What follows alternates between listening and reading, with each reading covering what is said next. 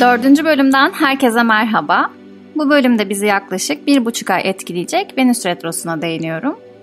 Gökyüzünün iyi ve kötü zamanlarını ayırmadan astrolojinin hayat tekamülüme yardımcı olduğunu deneyimlerken seninle deneyimlerimi paylaşmak beni heyecanlandırıyor.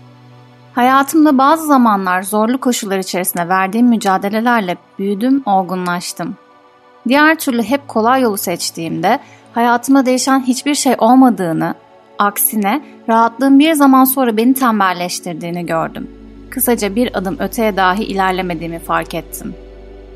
Hani hep diyorum ya, hayat bir denge üzerine kurulu.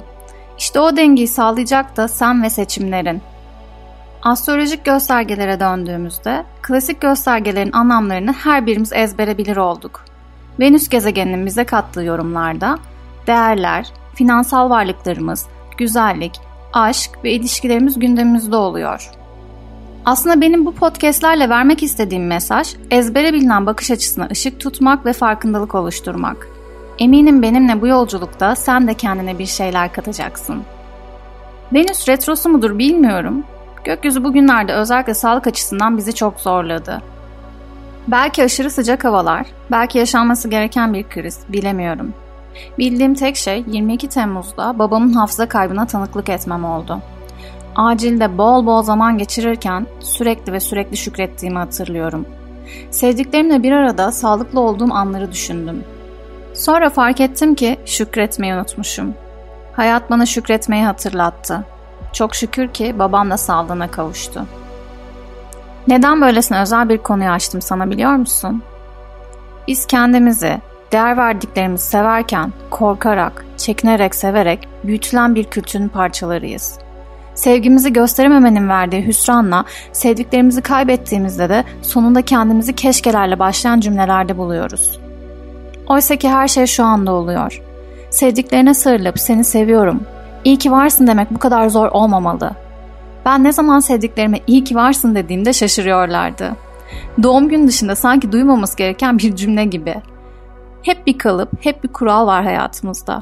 Şunu şöyle şurada böyle dememiz gerektiği öğretilmiş. Düşünsene şarkılarda bile erkekler ağlamaz, sil gözyaşlarını diye büyütülmüşüz. Neden ağlamasın? Neden silsin o gözyaşlarını? Hepimiz insanız. Hata yapa yapa büyüyoruz. Eğer sevgimi dile getirirsem benden kaçar, korkar, kızar, çekinirim diyorsan bastırdığın o duygular keşkelerine dönüşecek yine farkında mısın?'' Kaçan kaçar, giden gider. Senin sevgine karşılık vermeyen olsun vermesin. Emin ol kaybettiğini düşündüklerin senin faydana. Bırak gitsin, özgürleşsinler senden. Önce kendini sevmeyi deneyimle. Nasıl mı?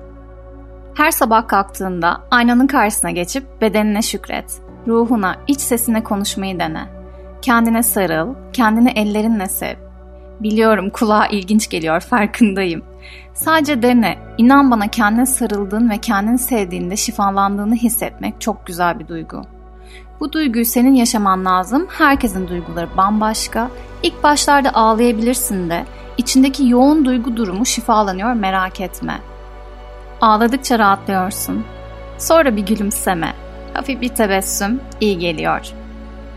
Eminim ki bu Venüs retrosunda kendimi sevmeyi, kendi öz saygımı arttırmayı, kararsızlıklarımla yaşadığım ikilemleri çözmeyi, sevdiklerimle sevgi paylaşımlarımı bol bol değerlendireceğim günlerdeyim.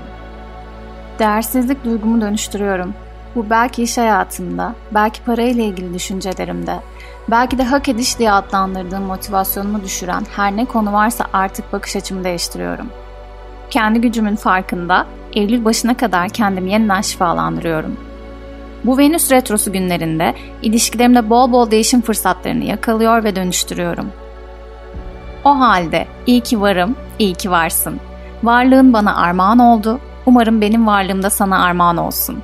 Bir sonraki bölümde görüşmek üzere. Işığın bol ve daim olsun.